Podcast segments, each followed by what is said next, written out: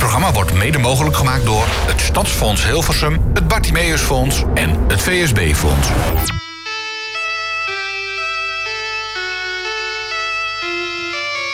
Picture yourself in a boat on a river with tangerine trees and marmalade skies. Somebody calls you, you answer quite slowly. A girl with kaleidoscope eyes.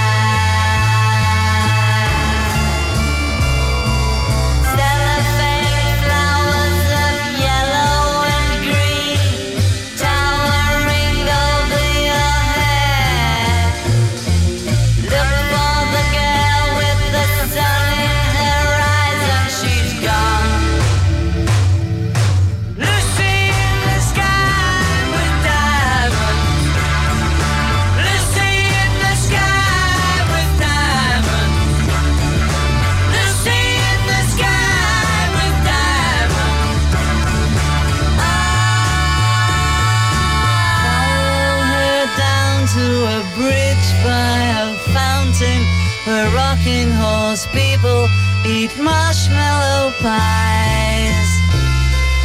Everyone smiles as you drift past the flowers that grow so incredibly high.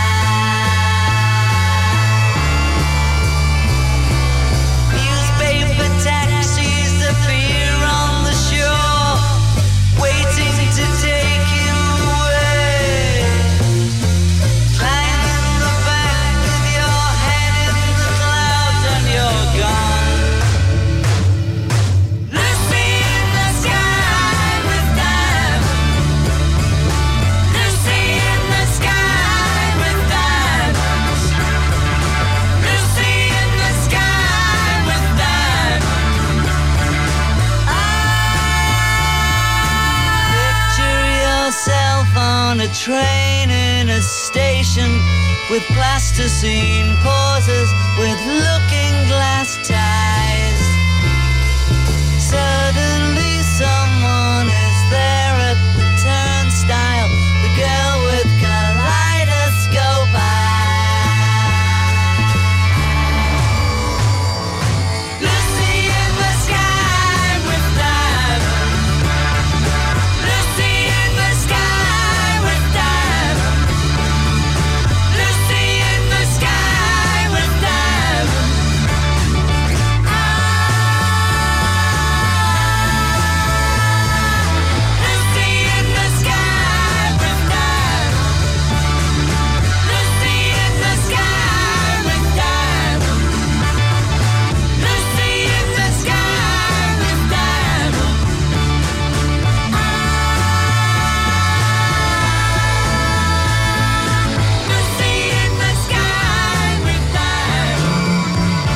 Klassieke muziek bij Radio 509. Klassieke muziek waar je eigenlijk niks meer over hoeft te zeggen. Toch doen we dat wel.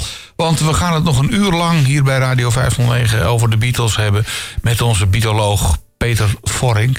Eh, Peter, nogmaals welkom in de studio van Radio 509. Dankjewel. Ja, normaal, ges- no- normaal gesproken zitten we op vrijdagmiddag in de bibliotheek... in de huiskamer van Hilversum. Maar vandaag hebben we niet. Zitten we gewoon in onze eigen... Ja, wat is het? Onze eigen studio. hol. Eigen studio, ja. ja. En eh, we gaan het vooral eh, nog een uur lang over de Beatles hebben. Want jij gaat een lezing houden over de Beatles in de bibliotheek in Hilversum. Niet alleen in de bibliotheek in Hilversum. Dat doe je eigenlijk door het hele land. En als mensen jou op je verjaardag, op hun verjaardag uit willen nodigen voor die lezing, dan doe je dat ook, toch? Uiteraard, ja hoor. Ja, Waar het eh, verhaal maar kwijt kan, ik kom. Ja, want zeg maar even in het kort, hoe ben jij op dit Beatle gebeuren terechtgekomen? Want dat komt niet zomaar uit de lucht vallen. Nee, je moet er natuurlijk wel een beetje eh, fan van zijn. Nou, dat, dat ben ik eigenlijk al sinds, eh, sinds 1970, 71, 72 misschien. En ehm, door, eh, door het, het, het, praten over de Beatles... terwijl ik met mijn eigen bandje, de Foxes uit Amersfoort... Iers folk bandje, veel over muziek praten. Hoe moet iets klinken? Heb ik eigenlijk gewoon eh, regelmatig gezegd van ja, in dit nummer van de Beatles klinkt het zo. En om de, Beatles gebruikten dan dit instrument om dat eh, te bewerkstelligen. En ja, toen werd ik uitgedaagd om een keer wat meer over de Beatles te komen vertellen. En zo is het eigenlijk een beetje ontstaan. Ja. Maar spelen jullie dan ook wel eens als Ierse folkband iets van de Beatles? Lijkt me op zich wel een grappige combinatie namelijk. Nee, eh, nee, nee, nee, nee, nee. Dat, eh, dat, dat doen we nog, nog niet, nee. Nee, het zijn allemaal eigen nummers hè, die jullie spelen. Nee, nee hoor. Het is, eh, de, ik denk eh, eh, 10% eigen werk, maar eh, heel veel het werk eh, wat, wat ja, die Ierse folk is, is al honderden jaren oud, oud soms. Tot, tot wat meer modern eh, werk. En eh, we, we kunnen het, eh, laten we zeggen, van eh, één gitaar en twee stemmen tot, tot echt het dak eraf. Eh, met hele snelle jigs en reels. Eh, dus eh, we maken er altijd een enorm feest van. Maar stel je nou voor, er komt iemand naar je toe die zegt... zou je een, een, een, een, nummer van de Beatles zo kunnen bewerken... dat het ook goed zou klinken als Iers of folkliedje? Ehm, welk nummer zou dat dan zijn, wat jou betreft? Ja, ik, ik heb het wel in mijn hoofd. D- er, is een, er is een nummer van, van, van John Lennon wat redelijk eh, gebaseerd is op, op Ierse klanken. Niet vergeten dat eh, John Lennon en Paul McCartney allebei eh, Ierse eh, grootouders hadden. En wat ze noemen Liverpool ook wel eens de hoofdstad van Ierland. Eh, dat is het natuurlijk niet. Maar omdat er zo ontzettend veel Ieren overgestoken zijn naar, naar Liverpool noemen ze dat wel eens de hoofdstad van, van, van, van Ierland.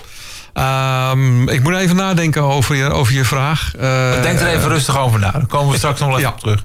Ja. Dat is goed, ik noteer hem even.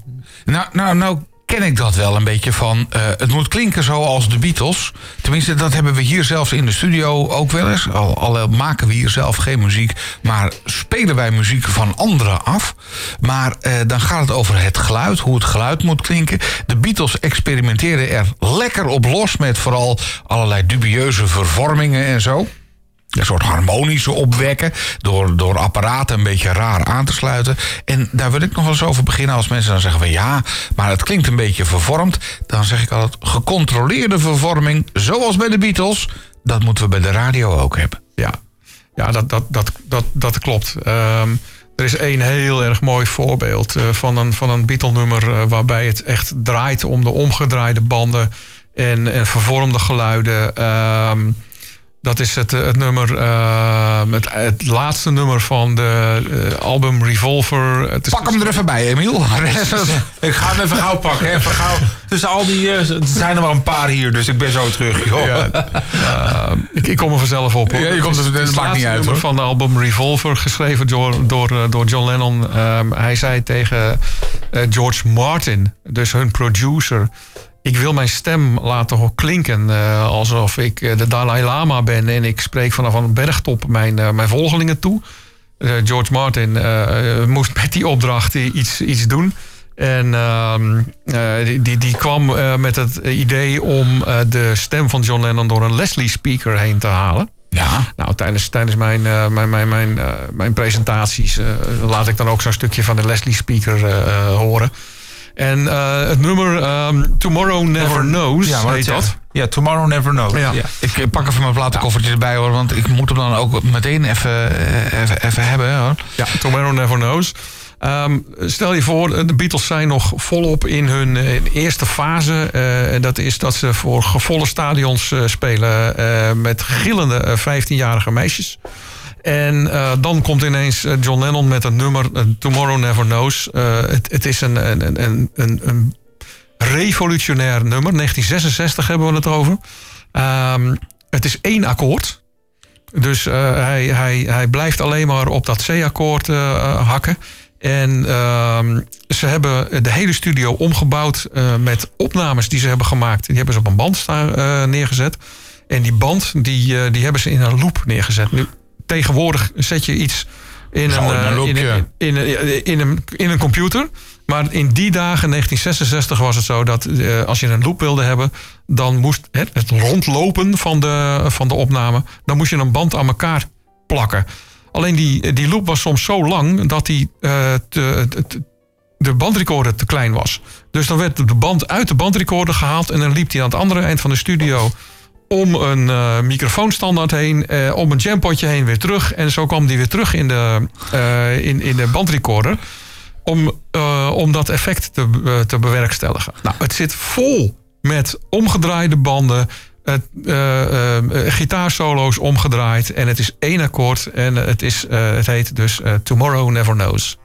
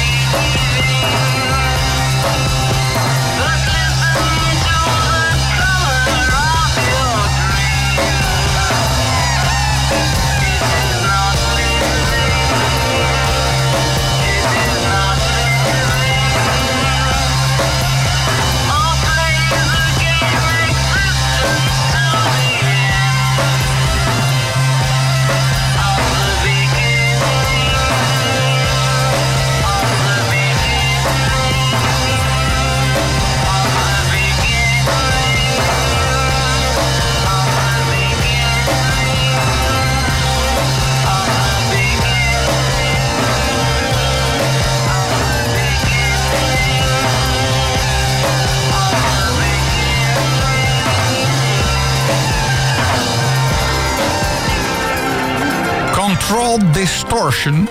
Zo noemen ze dat toch, hè? Als je gewoon lekker aan het aanklooien bent in de studio... en je wil er toch een beetje een professionele draai aangeven... dit is dus Control Distortion. Ik vraag me wel af of de 15-jarige meisjes waar je het net over had, eh, Peter, of die hier ook zo lekker op gingen als dit. eh, Nee, die, die, die begrepen hier helemaal niets van. Maar het was, het was absoluut een revolutie in de, in de popmuziek eh, in, eh, in 1966. En voor een, voor een enorm groot deel te danken aan, eh, aan, aan George Martin, de producer van de Beatles. En die, die kan wat mij betreft geen credits genoeg krijgen. Nee? Die man is zo ontzettend belangrijk geweest voor het succes van de Beatles. Omdat hij in het begin eh, eigenlijk eh, ehm, hun alles moest uitleggen. Ehm, eh, er zijn ook hele prachtige foto's van dat de Beatles echt aan zijn lippen hangen. eh, Terwijl hij dingen staat uit te, uit te leggen in 1962, 1963. Maar later werd hij ook eigenlijk gewoon meer hun begeleider. Het, het omzetten van hun ideeën in, in kun je dit misschien niet beter op een hoorn laten spelen? En dan zorgde de, eh, George Martin ervoor dat het partij werd uitgeschreven en wordt door een hoornspeler werd ingespeeld. En hij heeft heel, heel, heel veel eh, bijgedragen aan het succes van deze jongens. Toch heb ik het idee dat ze vroeger, in de jaren 60, langer lekker konden experimenteren in studio's en aan konden rommelen en proberen dan dat dat vandaag de dag kan en mag. Ja, ik, hoe dat vandaag de dag gaat, dat, dat weet ik niet. Maar ehm, ik denk dat je voor een groot deel gelijk hebt. Behalve in het, aan het begin van de, de carrière van de Beatles. Een eerste album, dat heet Please Please Me, is opgenomen in één dag. Oh, toen moest het nog wel even snel. Toen Eén waren ze dag. nog niet bekend en is het, dan was het doorwerken. Dat, dat, dat, dat klopt ook inderdaad. Ja. Dus eh, ze hebben eh 12, 13 nummers in één dag opgenomen. En je kunt ook horen, het, eh, het eerste nummer eh, van het album was ook het eerste nummer wat ze opnamen. En het laatste nummer was het laatste nummer wat ze opnamen. Waarom moe? Dat de stemmen, de stemmen echt wel eh, op waren aan het eind van. is Twist and Shout is het laatste nummer van dat, van het album. Oh ja. Dat, ik kon wel horen dat de stemmen toen redelijk aan het begeven waren. Ehm, er is een heel duidelijk ehm, rustpunt in de carrière van de Beatles. Dat is eh, eh, augustus 1966. Toen, toen stonden ze in een, in, een, in, een, in een kooi te spelen op, op de middenstip van een honkbalstadion. Middenstip moet je mij horen. op, de, op de heuvel van eh, de werpersheuvel van een honkbalstadion. En ze werden afgevoerd in een gepantserde auto. En toen zeiden ze tegen elkaar: Dit is het, we stoppen er gewoon mee. Wij gaan niet meer op tournee. Ja. Toen hebben ze maanden vakanties genomen. En eh, in die maanden hebben ze zich eigenlijk gewoon eh, helemaal bezonnen.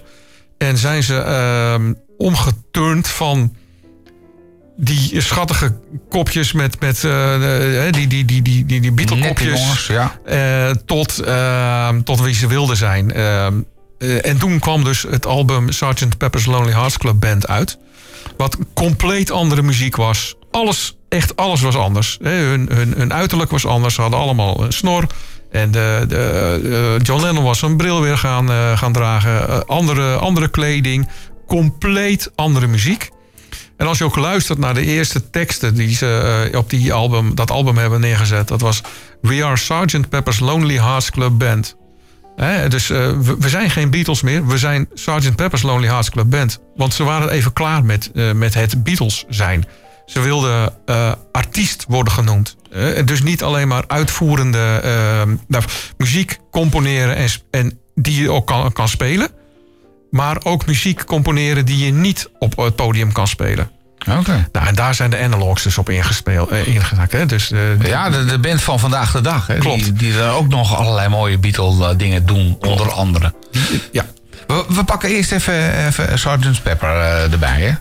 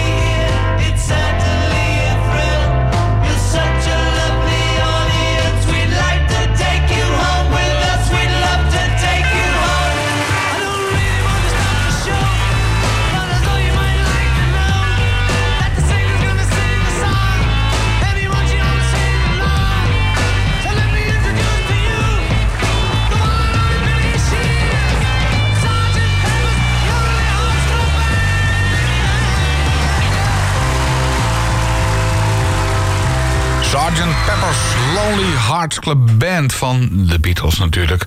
Onze Beatoloog zit nog steeds aan tafel hier bij Radio 509, Peter Vorink. Ja. Ehm, Peter, voor- was ik nog even benieuwd naar. Je zei net van ze, ze wilden echt iets anders. Ze waren eigenlijk een beetje klaar met dat hele brave imago. Dus dan komen ze na zoveel maanden terug met het is allemaal wat ruiger, andere kleding. Hoe viel dat dan bij al die meisjes die eerst nog stonden te gillen? Ja, die moesten natuurlijk ook wel even nadenken wat een enorme sprong ze hadden Ja. gemaakt in, in creativiteit. Dus eh, om nog even terug te komen op waarom ik eigenlijk begon over Sgt. Pepper. Ehm, het, het nummer, of het album Please Please Me is opgenomen in één dag. En in Sgt. Pepper eh, hebben ze eigenlijk gewoon de studio onbeperkt tot hun eh, eh, beheer gekregen. En deden er geloof ik eh, iets van zeven of acht maanden over. Om, om, dat, eh, om dat op te nemen. ja, nou, Dan kun je dus- even dus- rustig je creatieve brein de vrijloop laten. ja, dat, dat, dat klopt. Er lag compleet geen druk op, eh, op, eh, op de eh, verschijningsdatum van die, eh, ehm, dat album. Dat, dat kwam dus wel uit in The Summer of Love in 1967. En om dan terug te komen, Emiel, op jouw vraag. ehm, ja, die, die, die meisjes die, die groeiden eigenlijk met die, met die muziek mee. Dus wat we net hoorden, ehm, dat, dat, dat nummer met al die omgedraaide geluiden... Dat, dat ging eigenlijk te ver voor de 15-jarige gillende meisjes. Maar deze muziek van Sgt. Pepper, ehm, ja, dat, dat, dat sloeg wel bij, eigenlijk bij iedereen aan. Ehm, andere bands namen daar een voorbeeld aan. En met het verschijnen van dat album, zegt men, is er een, eh, een nieuwe eh, eh, bladzijde in de popmuziek eh, eh, geschreven. Ja. En dan is het natuurlijk nog dat, dat ber- beroemde verhaal. Is hij het wel of is hij het niet? Ja. Paul McCartney. Ja, Paul McCartney. Ja, nou dat, eh, dat, ik, dat is een lang verhaal, maar ik hou het kort. Ehm, het, het verhaal zou gaan dat, dat Paul McCartney ehm, in, in 1966 eh, zou zijn verongelukt bij een, eh, bij een auto-ongeluk. Ehm, dus dus in, die, in die rustperiode die ze hadden. Ehm, en dat, dat zijn plaats zou zijn ingenomen door een, een Amerikaan eh, namens eh, William Campbell. En ehm, eh, ik zei net, eh, de, de uiterlijk van de Beatles veranderde ook tijdens die, die opnames van de Sgt. Pepper. Want ze droegen op dat moment allemaal een snor. Waarom is dat nou eigenlijk dat ze allemaal een snor droegen?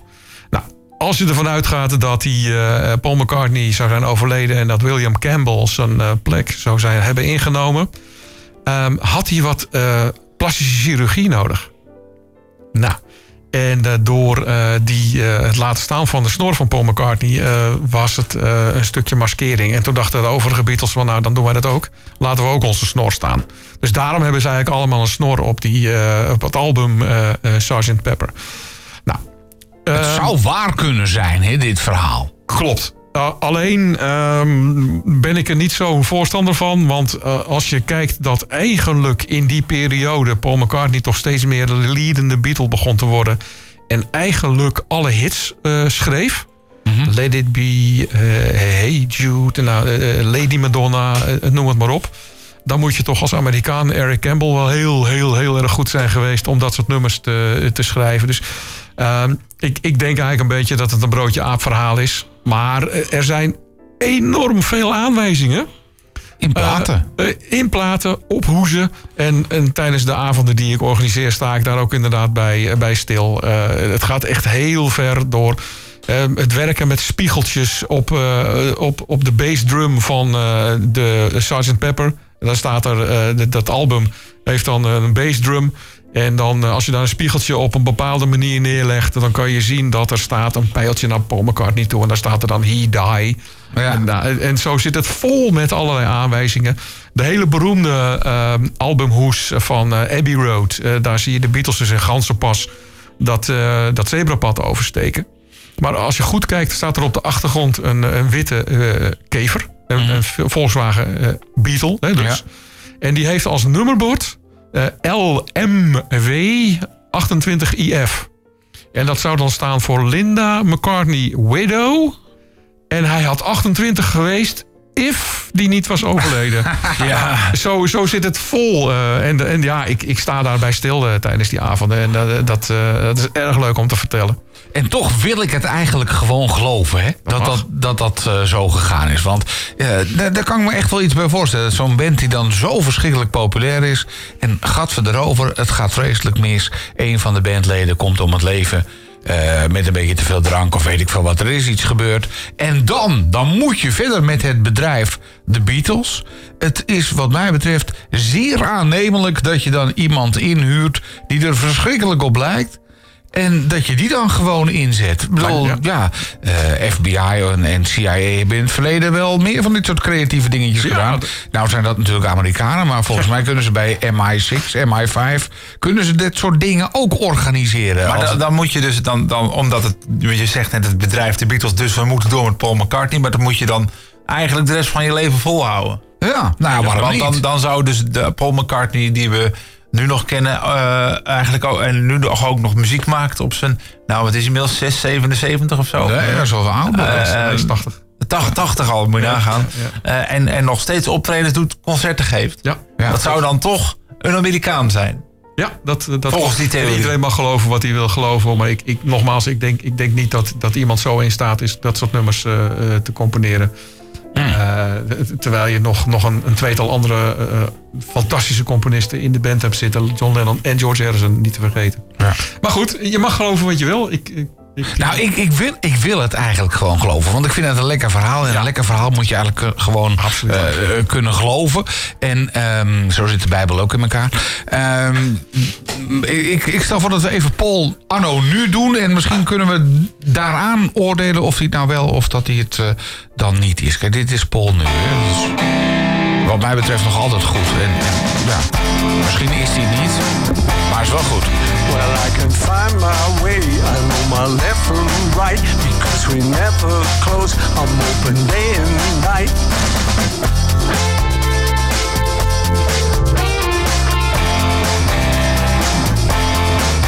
I know my way around. I walk towards the light. I'm open round the clock. I don't get lost at night.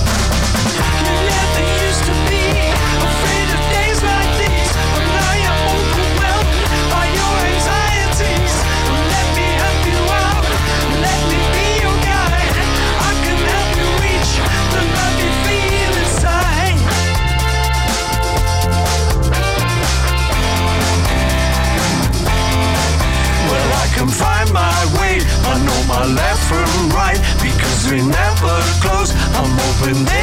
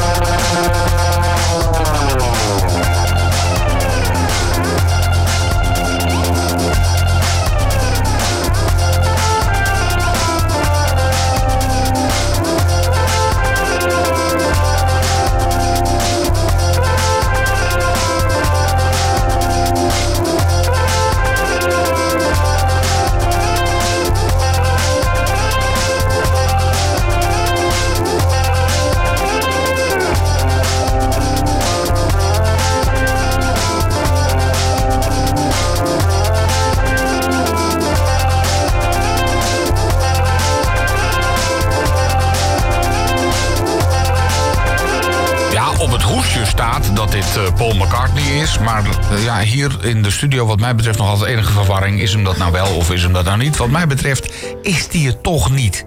Ja, ja, ja. Ik, ik vind dat hij het wel is. Oké. Ja, en jij, Emiel? Nou, ik, ik denk ook dat hij het wel is, maar dat is meer omdat ik, omdat ik gewoon me niet kan voorstellen dat je. Want als je zo'n verhaal de wereld in wil helpen en het zou waar moeten zijn, dan moet je dus niet alleen op dat moment dat kunnen regelen, maar dan moet iedereen moet daar dan op een gegeven moment in meegaan. En volgens mij, anno nu, zou dat er al lang uitge, echt uitkomen als het, als, het, als, het, als hij het niet was. Laat ik het Ah, dan zo zeggen. Dus ik, denk, ik denk dat. ik bedoel, het, het is fantastisch als je het zo kunt bedenken, maar of dat. Dan, of je dat vol kunt houden, wat is het, ruim 50 jaar lang, vraag ik me toch af. Ja, jij denkt dat dat niet vol te houden Nee, is. ik denk dat dat niet ik- vol te houden. Ik, ik denk dat het wel vol te houden is, is maar goed repeteerd. Maar goed, mm, ieder zo zijn... eh. Ehm, eh, Peter, eh, Peter Vorink, onze bietoloog, nog steeds even te gast bij Radio 509 op deze vrijdagmiddag. Normaal gesproken doen we dit vanuit de huiskamer van Hilversum, maar nu even vanuit onze eigen honk, de studio van Radio 509. Ehm, in jouw, ik wil weer zeggen lezing, maar dat is er niet, een performance. Want een lezing is gewoon iemand die wat vertelt en verder niks. Jij haalt er van alles en nog wat bij. Je speelt zelf een stukje op de gitaar. Je hebt er beelden bij, van alles en nog wat. Eh, binnenkort, dan, we zetten zo even alle gegevens op een rijtje. Hoor. Maar eh, binnenkort weer in de bibliotheek hier in Hilversum, maar ook verder in het land. Jij behandelt heel veel Beatle-nummers. Laten we er gewoon eens even, eh, even één bij pakken. Een hele bekende, Strawberry Fields Forever. Ja. Wat vertel jij daarover? Nou, dat, ehm, dan begin ik eigenlijk bij, dank u wel. bij ehm, een, stukje ehm, rivaliteit tussen Lennon en, en McCartney. Eh, ik vind dat waarom zij zo goed zijn geworden, is dat zij eh, tegen elkaar op aan het componeren waren. Als John een nummer had geschreven, dus Strawberry Fields, wat over een stukje Liverpool gaat, dan kon Paul niet anders doen dan antwoorden met ook een nummer over eh, Liverpool, Penny Lane. En zo, zo knokten ze elkaar omhoog. Dus het heeft ook een beetje met testosteron te maken, denk ik. Als jij een goed nummer hebt, dan wil ik een nog beter nummer schrijven. En zo sturen ze elkaar op tot enorme hoogte. En ik vind de combinatie, want het het is een single geweest met twee A-kanten. Strawberry Fields op de ene kant, A-kant. En Penny Lane op de andere A-kant. Eigenlijk het, ja, is een beetje het hoogtepunt van het oeuvre van, eh, van, van de Beatles. Eh, Beter hebben ze bijna niet gemaakt, vind ik. Ehm, wat, je, eh, wat je ziet is, John Lennon beschrijft op een heel andere manier in zijn teksten Strawberry Fields dan Paul McCartney Penny Lane beschrijft. In Penny Lane schrijft Paul McCartney veel helderder, veel ehm, simpeler eh, wat er gebeurt op Penny Lane. Maar John Lennon beschrijft veel mystieker hoe eh, ehm, eh, de ehm, Strawberry Fields in elkaar zitten. Nou, we weten natuurlijk allemaal dat John Lennon 1980 eh, in New York vermoord is. En tegenover zijn huis, als je Central Park inloopt, dan is daar een, een, stukje, ja, dat noemen ze Strawberry Fields. Eh, een stukje Central Park is dan naar John Lennon vernoemd. En eh, daar is het monument wat Imagine heet. En het, het ligt, eh, denk ik, nou, 50 meter vanaf zijn, zijn woning. Ja. Daar ben ik dan wel eens geweest. Ik heb er ook echt even, even nou, een minuut of tien zeker even gewoon stilgestaan. Ik dacht van nou, ja, hier is toch wereldgeschiedenis geschreven eigenlijk. Ja, Ehm, ben jij er ook wel eens geweest? ja, ja. ja, Dat ja. is wel echt een dingetje. Ja. Maar in Liverpool ben je dan nog niet geweest. Nee, nee. Dat is toch wel even wat dichterbij ook, hè? Ja, ja, ja, ik moet dat, echt, eh, moet dat echt gaan doen. Want ik kan het natuurlijk gewoon niet maken door, eh, door eh, zelf nooit in Liverpool te zijn. Even fietsen door Penny Lane, Ja. dat Ja. sowieso. Ja, maar goed, die Strawberry Fields Forever, dan nog even teruggekomen op is Paul nou wel of niet dood? Eh, er zitten aanwijzingen in dit nummer. Ehm, eh, helemaal aan het einde. Ehm, als je het nummer op de radio hoort, dan wordt die meestal afgebroken voor het tweede deel. Het tweede deel is een soort ja, mengeling van allerlei instrumenten door elkaar. Paul elkaar die blaast wat op fluiten. En eh, op een gegeven moment hoor je, maar dat moet je dan echt weten. Dan hoor je John Lennon heel ehm, zachtjes zeggen. ehm, cranberry sauce. Of zegt hij nou I buried Paul. Als je het achteruit draait. Nee, nee, nee. eh, het ligt maar aan wat je wilt horen. Als je wil horen, dan zegt hij I buried Paul. Maar eh, er, is naar hem ge- er is naar gevraagd. En hij zegt, nee hoor, ik, dat heb ik helemaal niet gezegd. Waarom zou ik dat zeggen? Ik heb gezegd cranberry sauce. Maar waarom zeg je cranberry sauce? Ja. Aan het eind van een nummer. Oké. Nou goed, als, als het zo voorbij komt, moet je maar even roepen. Dan, dan, dan, dan moet je het er even op, op wijzen. Het is heel zachtjes. Ik start hem gewoon even in.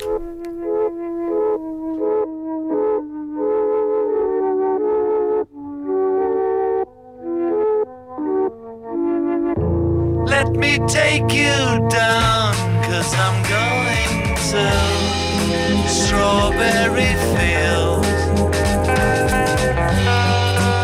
Nothing is real,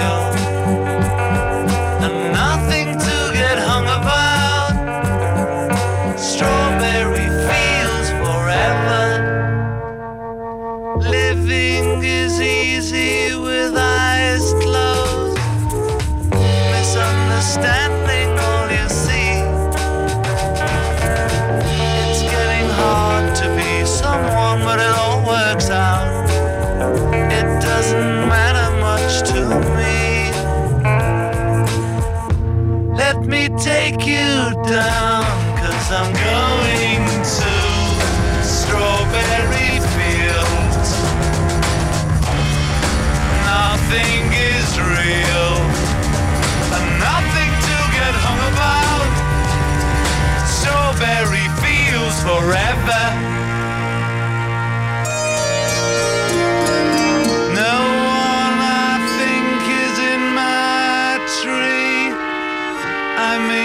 must be high or low.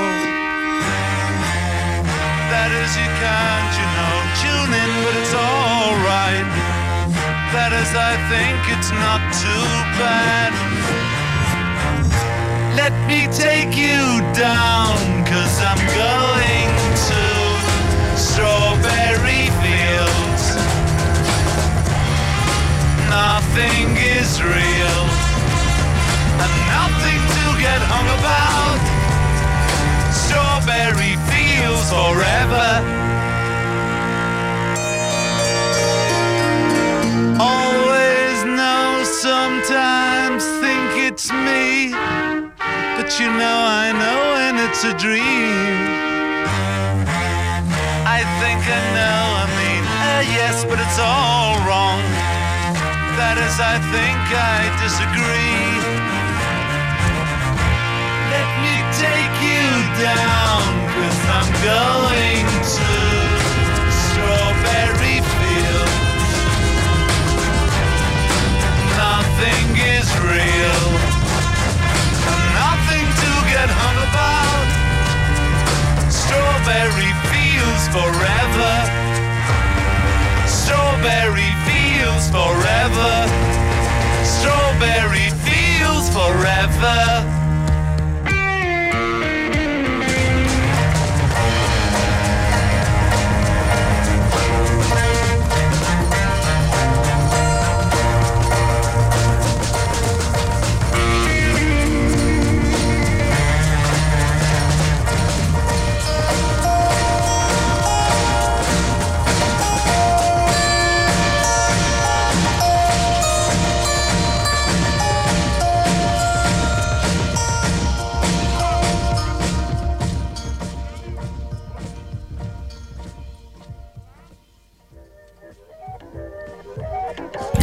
Niet weg. Er komt nog een stukje achteraan.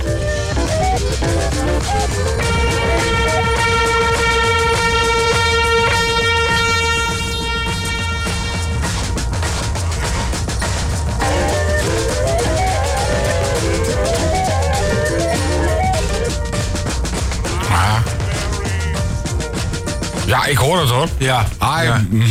Buried I buried Paul. Of cranberry sauce, nou zeg het maar. Nee, hij zegt dus- I, I buried Paul, zegt hij. Overduidelijk, overduidelijk. overduidelijk. Dus, dus toch, eh, Paul McCartney is het. eh, Is niet de echte.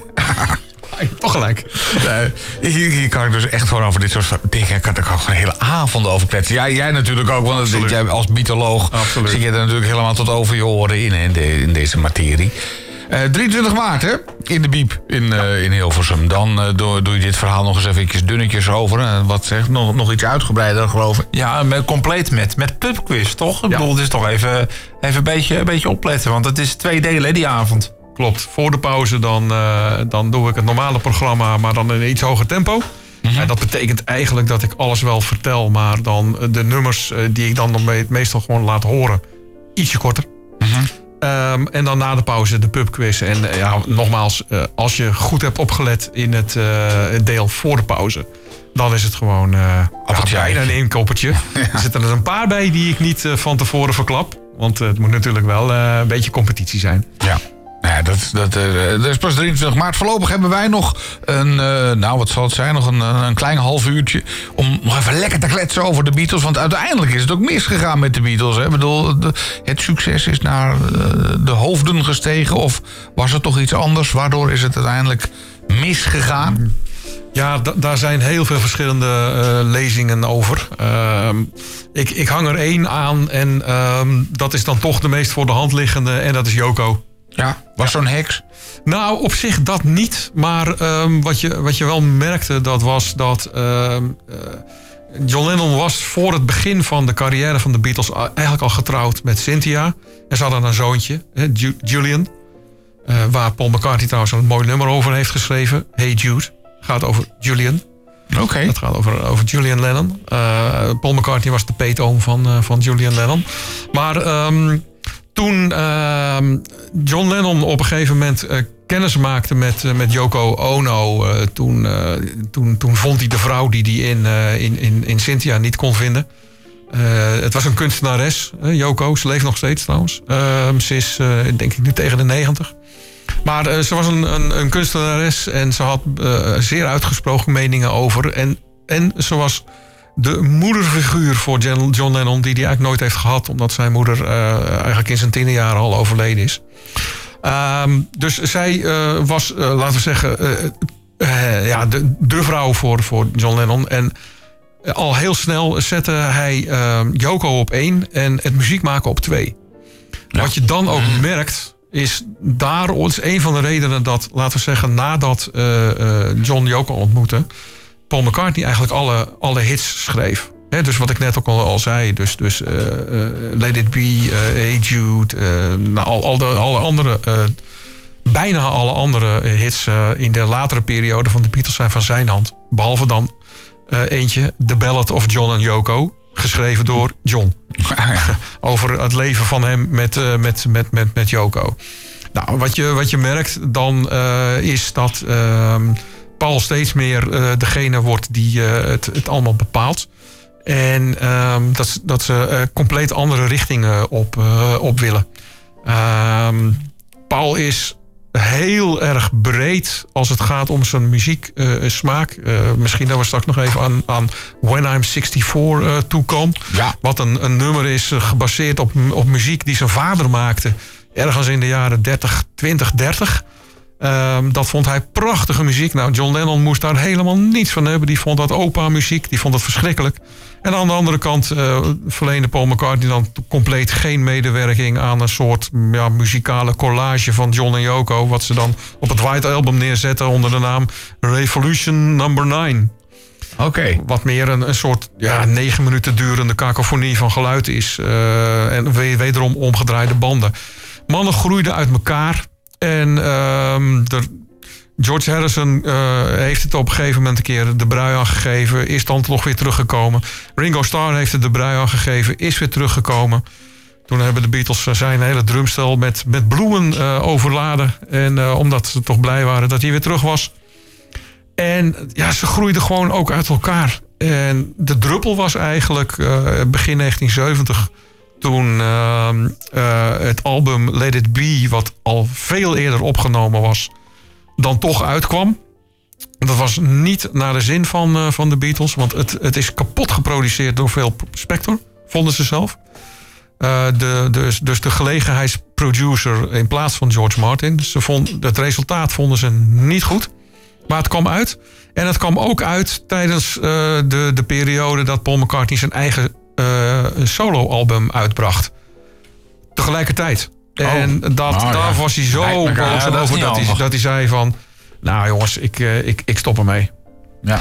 En eh, daarna is het tien jaar lang gegaan over wanneer komen je weer- bij elkaar. En dat is toen helaas letterlijk en figuurlijk gekild door de moord op John Lennon in 1980.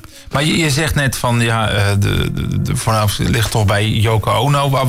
Had zij dan, eh, ja, eh, vond zij het dan ook eigenlijk niks? Weten we dat? Die muziek van de Beatles. Ze dacht, nou jongens, daar heb ik helemaal niks mee. Eh, John, je moest maar eens wat anders gaan doen. Nee, nee, nee, nee dat, dat is zeker niet zo hoor. Ze, was, ze was altijd in de studio aanwezig. Altijd. Ah, Al die ah, uren. oh, Zelfs als ze ziek was, dan liet John een bed komen. En dan eh, mocht ze in, eh, in de studio uitzieken. En dan hing er een microfoon boven haar eh, mond om, te, om, te, om haar mening te geven. Oh, ik vraag me af of dat wel zo Oh, gezond dat, is. dat lijkt me ja. ook geen gezonde wending voor het dat geheel. is, Nee. dat, is, dat is absoluut on, on- ongezond, kijk. eh, inderdaad. Dus dat, dat liep eigenlijk alleen maar spanning Ja, op, jongen. Dus ehm, dat was ook een van de redenen waarop George Harrison op een gegeven moment eh, gezegd heeft van... joh, ik ben er even klaar mee. En, en de Beatles eh, dan discussieerden van... ja, moeten we dan toch Eric Clapton maar vragen om solo's in te komen spelen? Ja, want Eric, Clapton daar hebben we ook nog, want die heeft ook nog een belangrijke eh, rol gespeeld, toch? Ja, zeker. Ehm, wat ik net al zei, ik, ik vind eh, eh, George Harrison een, eh, een, een, eh, uiteindelijk een net zo goede eh, componist als Lennon en, en McCartney. Ehm, hij is enorm gegroeid en een van zijn beste nummers, eh, While My Guitar Gently Weeps. Ehm, daarvan is de gitaarsolo, eh, echt een van de beste gitaarsolo's die ik ken, eh, gespeeld door eh, Eric Clapton.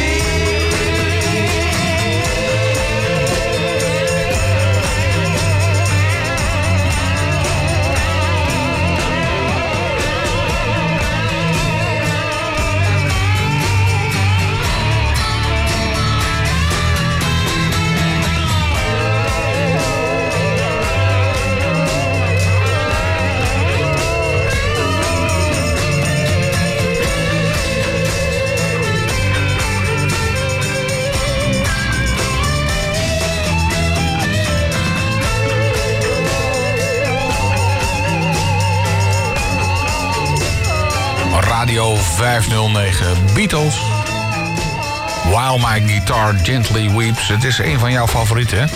Ja, ja dat, dat, dat, dat klopt. Ehm, George Harrison is echt een, een, een supergoeie eh, componist. We hebben net al eh, gelukkig eh, Something eh, mogen horen. Eh, wat hij schreef voor zijn eh, toenmalige eh, vrouw eh, Patty, eh, Patty Boyd. Wacht even, dat was toch ook het liefje van Eric Clapton uiteindelijk weer? Die gitaar speelt bij... Precies. Ze hebben elkaar dus hier leren kennen. Ja, en jee. eh, en ehm, ze is eh, later eh, met toestemming van George eh, zeer vredelievend, omdat hij toch al een beetje in die, in die, in, in die Indiaanse ehm, geloven zat, is overgestapt naar, naar Eric Clapton. die ook nog twee wereldhits voor deze dame heeft geschreven. Leila gaat over Patty Boyd en ook Wonderful Tonight gaat ook over deze dame. Dus deze dame heeft wel iets teweeggebracht bij, bij dit soort jongens. Ja, ja het moet een bijzondere vrouw geweest Nou, zijn. ja. Nou, eh, het is een van jouw favorieten. Hè? Van, eh, want eh, kun je dat nog gewoon zeggen tegen jou? Van wat is je favoriet? Of is dat elke week een ander? Of, Nee, oh nee, nee, nee, nee, nee zeker niet. Ehm, dit, dit is een van mijn favorieten, maar ehm, eh, I Am The Walrus is, is ook een, een, een, puik, puiknummer. Echt, echt een John Lennon nummer. Ik vind John Lennon schrijft de beste nummers op het moment dat hij achter de piano zit. En ehm, het was lang niet zo'n goede pianist als, als Paul McCartney eh, is. Want vergis je niet, Paul McCartney is echt een, een muzikaal wonder, vind ik. Niet alleen als hij componeert, maar ook hoe die eh, piano speelt, hoe die, hoe die bas speelt. Het is een eerste klas bassist. Ehm, hij speelde ehm, op een van de nummers van George Harrison in het begin van de carrière, hey, Taxman. Een nummer van George Harrison, eh, wat, eh, eh, wat eigenlijk de eerste politieke song van de, van de band was. Over dat ze 95% eh, belasting moesten betalen. Heeft George Harrison een nummer geschreven. Alleen de solo, de gitaarsolo, kreeg hij niet voor elkaar zelf. Dus Paul McCartney pakt de gitaar en zegt: Dan speel ik hem wel even. Paul McCartney, eh, hij speelt alles. Hij, hij drumt als een idioot. Hij speelt piano geweldig. Gitaar, eh, eh, ja, het is een, een muzikaal ja, wonder, die, die man. Toch vind ik als John Lennon achter de piano ging zitten... dat daar nummers uitkomen die ja, mij het, het, het meest aan het hart gaan. Dus I'm the Walrus is daar een van de voorbeelden van. Die, die gaan we zo even draaien, want eh, ik, ik heb ook een favoriet. Dat is eh, de Magical Mystery Tour. En dat komt omdat ik het originele singeltje heb. Dus, dus het singeltje eh, met het stripverhaal erin. Het dubbele eh, singeltje eigenlijk. En het staat hier ergens in de Moet platenkast. er ergens zijn. hè? Ja, we zijn al tussen de platen eventjes gaan zoeken. Maar het zijn 45.000 nummers. Dus het is even zoeken natuurlijk. Hè? Vo- Voordat we hem gevonden En hij kan ook nog boven staan. Dus Ja, dat is ook dus, eh, even- nou, even nou, nou. Maar in ieder geval, er is ooit een keer een man geweest hier in de studio. Die zei, ik geef je er nu 500 dollar voor als je het singeltje aan me geeft. Ik heb het niet gedaan. Ik heb hem nog steeds. Dus Helemaal eh, gelijk. eh, stiekem... eh, ja, want wat zou die nu waard zijn? Door zijn heb, daar heb ik geen verstand van. Oké, nou, dat schijnt wel geld op te leveren. Ja. Dus stiekem zit mijn pensioen ook een klein beetje in de Beatles. We zouden hier nog uren over door kunnen gaan. Hè? Dat is echt, ik vind het hartstikke leuk dat je hier nu in de studio bent. En nou, binnenkort in de Biep natuurlijk, hè, de 23e, 23 maart. Dan is iedereen welkom bij jou om eens even lekker eh, het verhaal van de Beatles eh, uitgebreid te horen. Inclusief pubquiz. Eh 23 maart begint om... 7 uur 's avonds. 7 uur 's avonds in de bibliotheek. Dat is op de Schraaflandseweg, de huiskamer van Hilversum...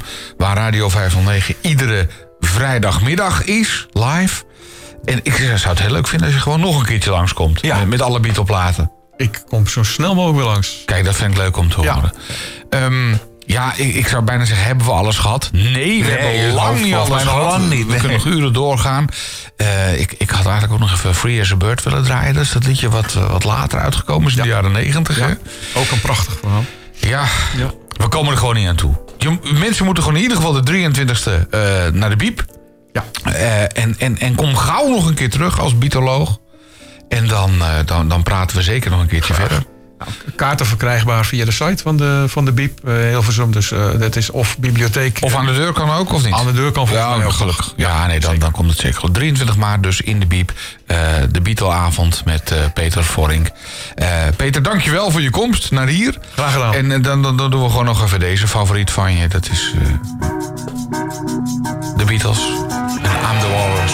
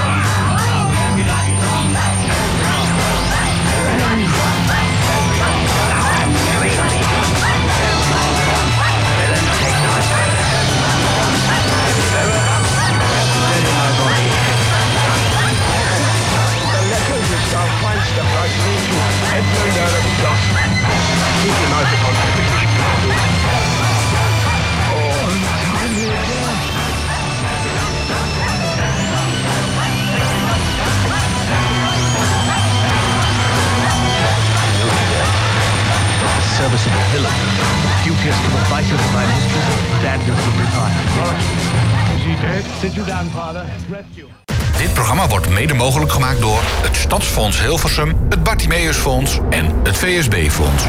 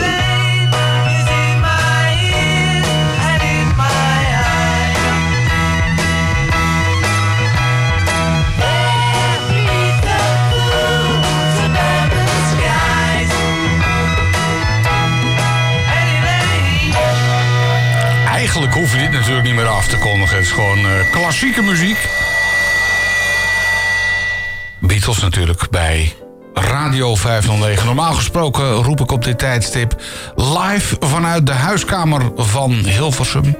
Ik ben hier niet alleen. Uh, Emiel is er ook. Hey, goedemiddag, hallo. Ja, nee, nee, niet in huis. Gewoon in ons, op ons eigen thuishonk zou je kunnen zeggen. Hè? Gewoon Ja. hier vanuit de studio van Radio 509. Ja, elders in Hilversum. Ja. Eh, we hebben Henk wel meegenomen. Ja. Onze eigen Henk, eh verre het wa- neef van Harry Het Banning. was nog even gedoe om die piano goed eh, naar binnen te krijgen. Maar het is uiteindelijk toch gelukt. Ja. En hij speelt hier gewoon nu gezellig voor ons een, eh, een, een, een leuk moppie. Terwijl wij gezellig gaan praten met eh, de Beatoloog. Ja, we hebben een heuse bioloog in de studio. Ja, het is Peter Vork. Goedemiddag Emiel, goedemiddag Peter. Welkom. Goedemiddag, Peter. Hallo. Ja, Hallo. wij, wij hebben zelf ook een Beatle-fan eh, bij. Radio 59. Dat is onze eigen Dick Bakker. Maar jij gaat nog een stapje verder, hè? Ah, dat weet ik niet, want ik weet natuurlijk niet in hoeverre Dick Bakker zijn, zijn kennis reikt. Maar mijn kennis is zover dat ik, eh, dat ik inmiddels eh, over eh, nou ja, bijna heel Nederland wel regelmatig eh, lezingen over de Beatles eh, geef.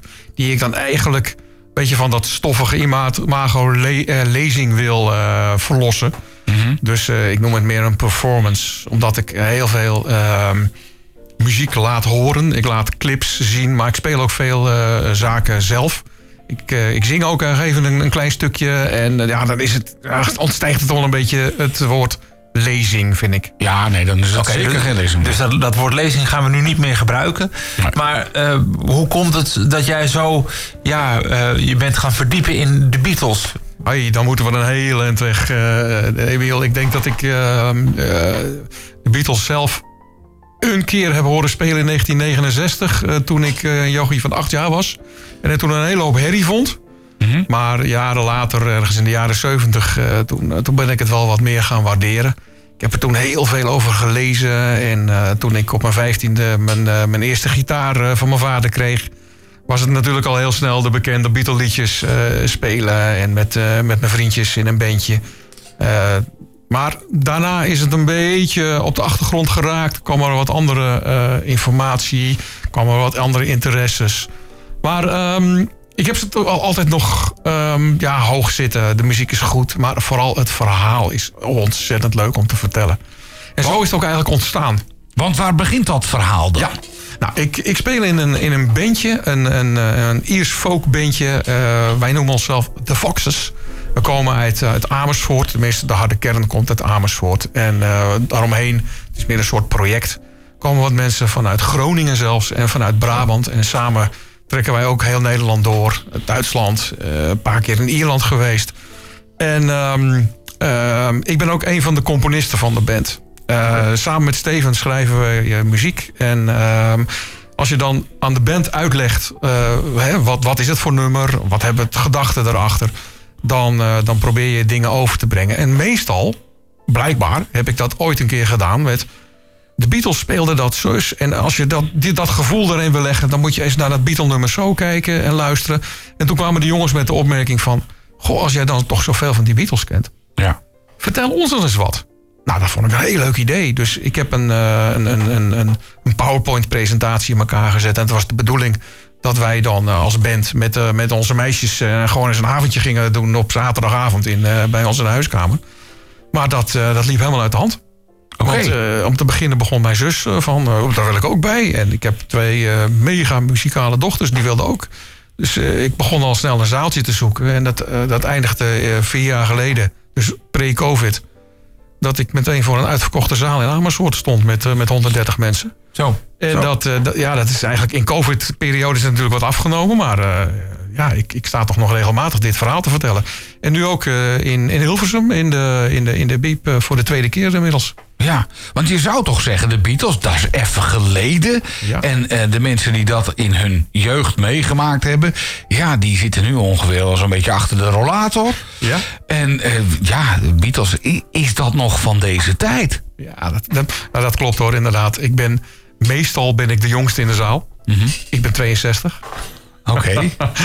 Maar ehm, dat maakt niet uit. Het, eh, die vraag is natuurlijk heel terecht. Het is al, eh, al 50 jaar geleden, ruim 50 jaar geleden, dat ze uit elkaar gingen. ja. Ja, dus ze begonnen 60 jaar geleden een beetje bekend te worden. 60 jaar geleden. Nou, dat is natuurlijk heel erg lang. Maar het zegt natuurlijk ook wel iets over de kwaliteit van hun muziek. Dat dat nog steeds populair is. En jouw afkondiging was natuurlijk ook voor een terechte. Het hoeft eigenlijk niet af te kondigen, gekondigd te worden. Want Het is Iedereen kent het. muziek, ja. Iedereen kent het. En het- ik ben ervan overtuigd dat dat de tientallen jaren hierna ook nog zo zal blijven. Dus het verbaast mijzelf ook wel eens af en toe hoor. Dat ik denk van, jeetje, wat, wat, wat een hoge opkomst. En ik stond een keer in Nijkerk. Daar kwamen twee meisjes van 18 binnenlopen. Ja. En ik ja. zeg tegen die meisjes van, joh, wat komen jullie nou doen? Nou, Zijn wel goed? Ja, ze zeiden, ze- ja, nee, die meiden die zeiden gewoon, ja, we vinden het gewoon heel erg leuke muziek. En we willen er gewoon wat meer over weten. Nou, die, die blijer kan je mij niet maken. Nee. Ik vind het echt geweldig. Want dat hadden ze dan misschien al vanuit huis of ergens of zo dan meegekregen of zo. Want ja, het is toch wel, hey, je moet toch wel iets van de, eh, de, de muziek kennen om in ieder geval naar zo'n avond die, die jij dan organiseert te gaan. Ja, klopt. Nou, dat heb ik dan niet gevraagd, maar ik ben het wel met je eens, Emiel, dat dat inderdaad zo is. Je moet er wel iets van weten. En die meiden kwamen ook echt inderdaad eh, om wat achtergronden te horen. En ja, dat is dus precies wat de inhoud van, eh, van, van, van mijn avond is. Ik, ik vertel het verhaal van voor naar achteren. Ehm, eh, laat natuurlijk een hele hoop bekend werk langskomen. Maar dan heb ik wel eh, de wat onbekendere uitvoeringen van die bekende nummers. Ja. En, en, en dat maakt het heel erg leuk. En ik vertel natuurlijk eh, wat er allemaal goed ging. Maar er ging ook best heel veel fout. En ook dat is heel leuk om te vertellen. Want niet veel mensen weten wat er allemaal fout ging. Nou, laten we daar dan vast mee beginnen. Met, een- met een lekkere fout van de Beatles. Dat vind ik altijd wel fijn. Ja, ik ben een beetje pessimistisch aangelegd. Hoor. Dus eh, ik vind het altijd wel leuk om ook eens te horen hoe een ander onderuit gaat. Nou, ehm, fout, maar dat, dat kunnen we natuurlijk op de radio niet laten zien. ehm, is, is, een, is een, eh, een hele grote foto van de Beatles. Dat noemen ze de slagersfoto. Die, eh, maar die, die laat ik dus wel zien op de avonden die ik organiseer. Nou, be- beschrijf hem zo goed mogelijk hè, voor, voor, voor de luisteraar. Ja, je, je- je ziet de vier Beatles gewoon op stoelen zitten met ehm, eh, ja, witte, witte stofjassen aan. En dan met, ehm, met baby ehm, hoofdjes, armpjes en eh, maar dan poppen. En allemaal stukken vlees over zich heen. Oh. Dat noemen ze de slagersfoto. Nou, die is enorm verguisd, terecht. Want eh, eh, waarom hebben ze dat nou gedaan? Ze, ze waren een, een, een een beetje eh, hun, hun imago, wat ze hadden gekregen van schattige ponykopjes en, brave muziek. Beetje zat. Ze wilden eens wat, wat, wat ruigers. Nou, dat is natuurlijk compleet het verkeerde keelgat ingeschoten van, van eigenlijk van iedereen, want het was gewoon een enorme blunder. Ehm, muzikaal gezien ehm, ja, ging niet echt veel fout, vind ik. Maar ik vind wel dat er een enorm verschil zit tussen het begin van de periode Beatles, hè, 1962 toen ze hun eerste plaatopnames maakten, tot het einde, 1969, 1970. De ontwikkeling van hun muziek is fenomenaal. Maar even, de Beatles waren toch helemaal niet zo braaf? Dat was toch eh, juist eh, langharig tuig eh, toen ze net begonnen? Dat was helemaal niet... Mhm. Ja, ja, dat klopt. Maar ze werden natuurlijk al heel snel afgezet tegen de Stones. En die waren natuurlijk nogal wat ruiger. En dan krijgen de Beatles automatisch dat wat, ja, ja, want... dat ja. wat gezapiger imago. En, en vooral zo rond de periode van Yesterday. Bijvoorbeeld, Yesterday is nooit op single uitgebracht. Oh, Omdat het een, een te braaf imago had. Ze wilden op dat moment gewoon eens wat stevigers in die, in die periode. Ik, ik zit ondertussen even te kijken in mijn digitale platenkoffertje... of ik Ja. Yesterday zo gauw kan vinden. Ik stel trouwens voor dat we om en om gewoon een, eh, een liedje van de Beatles uitkiezen. En dat we dat dan gewoon draaien. Jij hebt er ongetwijfeld een verhaal bij. Ja. En dan, eh, dan, dan vertel je dat gewoon eventjes. Ehm, ik, ik heb nu even gauw klaargezet eh, Nowhere Man. Ik stel voor dat we die eerst even draaien. Praten we dan gewoon nog even verder. Ja, graag. He's a real sitting in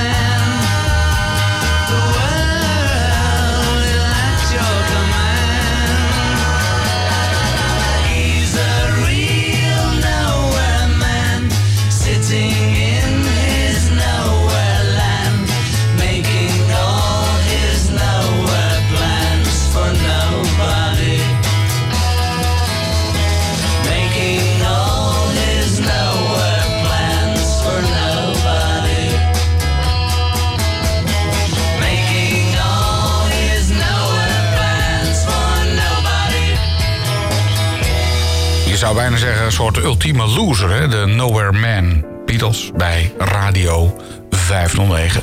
We zijn vandaag eens een keertje niet in de woonkamer van Hilversum... of de huiskamer, huiskamer van van Hilversum, ja. Nee, we zijn niet in de bibliotheek. We zitten gewoon in onze eigen... Ja, wat is het? Onze eigen studio. Onze eigen studio, eh, even verderop ten opzichte van eh, ook in Hilversum, maar even elders. Eh, en we praten met Peter Voorlink, de, onze Beatoloog hebben we hem genoemd. Ja. Want Peter weet echt veel van de Beatles, maar vooral ook van de verhalen achter de liedjes van de Beatles. Ja, het is wel even belangrijk dat we dat in ieder geval even met hem, eh, met hem gaan bespreken. Eh, Peter, je gaat zo meteen ook nog even een stukje live spelen, hè? Ja, ja, ja, ja zeker. Dat eh zit ik maar op te verheugen. Want we hebben niet alleen onze eigen Henk, eh, Henk Banning, op de piano. Verder neef van eh, die andere Banning. Eh, dus muziek, daar ontbreekt het niet aan. We doen toch een soort van vrijdagmiddagborrel, maar dan misschien een klein beetje ingetogen. Ja. Omdat het met de Beatles... Dat wil je eigenlijk niet, hè? Dat het eh, Beatles ingetogen... Er moet wat meer een ruiger imago zijn, toch? Nou ja, dat, dat wilden ze zelf toch ook. Want ja. ik dacht zelf ook wel dat het gewoon vier brave jongens waren. Maar dat, dat valt dus nog wel mee, Nee, eh, dat, denk dat, ik. dat, dat klopt. Maar ehm, wat mij toch intrigeert aan, laten we zeggen, het hele oeuvre van de Beatles... is dat het van, laten we zeggen, een, een, een Yesterday-achtig nummer met, met één gitaar... of eh, je hebt nog wel meer, eh, meer dat soort eh, nummers. alleen één gitaar en één stem. Tot alle remmen los nummers is. En alles ertussenin. Met, met strijkers, met, met, met, met piano. Het is, ze waren zo ontzettend veelzijdig. En dat, dat, ja, dat spreekt mij erg aan, die veelzijdigheid. Ja. Draai je nog zelf dagelijks de Beatles? Of? Nee. Nee, ben je inmiddels wel een beetje klaar mee. Nee, nee, nee. Maar ik moet wel eerlijk zeggen, als ik in de auto zit en eh, het wordt op de radio gespeeld, dan gaat hij wel altijd harder. Oké. Nou, wij draaien ze nog wel eh, regelmatig. We hebben zelfs een, eh, een Beatle jingle. Die zal ik even aan je laten horen. Dit is onze Beatle jingle.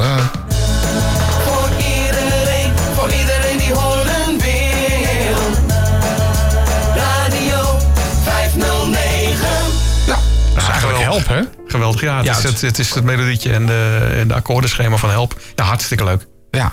Dus wij hebben ook wel iets met de Beatles. En ik moet je zeggen dat we eigenlijk toch elke dag wel tenminste... ehm, en dan kijk ik even naar onze muziekplan-afdeling... toch wel elke dag een paar Beatle-liedjes Ja, draaien op Ja. de radio. Nog Geweldig. altijd. Ja, ja, terecht. Maar goed, eh, jij, eh, jij trekt daar volle zaden mee als Beatoloog. Je vertelt van alles en nog wat ehm, over de Beatles. Eh, laten we er nog eens een fijne anekdote bij pakken. Ja, ehm, nou dan, dan zou ik willen beginnen bij het begin. En dat is eigenlijk Love Me Do. Dat was hun eerste single. Uit, uitkwam ergens in oktober 1962.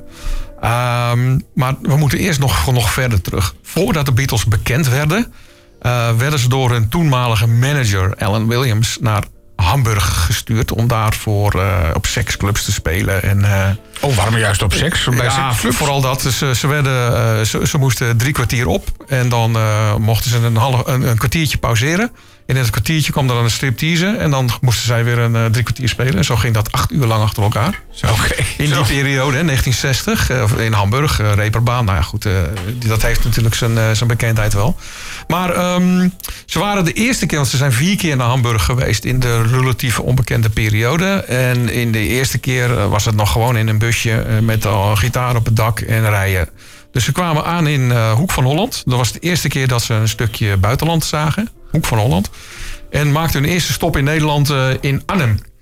En in Arnhem hebben ze een hele bekende foto gemaakt op het, eh, op het kerkhof voor de gevallen Engelse soldaten daar met operatie Operation Mark and Garden. Maar daarna is, is vooral John Lennon de binnenstad ingegaan en heeft daar in een muziekwinkel een, een, een mondharmonica gejat. Oh? Ja, Waren dus helemaal geen brave jongens. ja, nee, nee, nee. Vooral in die periode niet. En ehm, hij, hij kon er in no, no time op spelen. Maar hij heeft die mondharmonica heeft hij altijd eigenlijk eh, blijven bespelen. Vooral in de beginnummers eh, speelde hij er regelmatig op. Maar goed, terug naar Love Me Do. Dus Love Me Do, het eerste, de eerste noot eh, van de eerste single van de allerberoemdste band ter wereld... Ja. is gespeeld op een in Nederland gejatte Ik, mondharmonica. la- ik laat hem heel even, alleen het beginnetje eerst even horen. Dat is hem? Dat is dus dat is de gejatte mondharmonica. Klopt. Die winkel heeft, eh, toen dat bekend werd, eh, heeft die winkel echt jarenlang mega hoeveelheden mondharmonica's verkocht. Oh, zijn inmiddels- zeggen, heeft hij hem teruggebracht of is hij zijn excuus aan gaan bieden? bieden Ja, of- dat, dat zou misschien nog wel eens kunnen. eh, maar ehm, ze zijn inmiddels gestopt met die winkel. Maar ik, ik denk dat ze er duizenden hebben verkocht. Ja, omdat daar. Ik vind, dat vind ik op zich al een aardig verhaal. Eh, lullig natuurlijk dat, dat zo'n ding gestolen wordt. Ik bedoel, eh, wat- zal zo'n eh, mondharmonica destijds gekost hebben? Eh, Een paar gulden. ja, niet, niet zo heel erg veel. Nee. Maar goed, het, het, het, het blijft stelen hè, uiteindelijk. En, en dan wordt het zo een wereldhit. En dan profiteert zo'n handel of zo'n winkel daar er toch aan mee. Omdat ze dan kunnen zeggen van... Ja, maar die hit, die eerste... dat Die is- hebben ze dank aan onze mondharmonica. Die John Lennon, dus John Lennon is bij ons in de winkel geweest. Kan je ook dan ook meteen... eh en heeft hem eerlijk gestolen. Hij heeft hem eerlijk gestolen. Ja.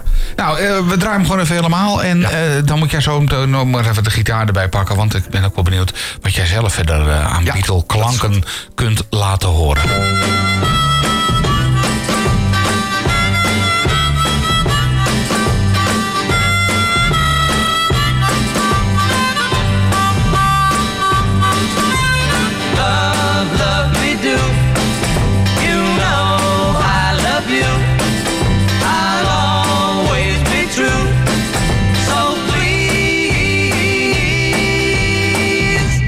Love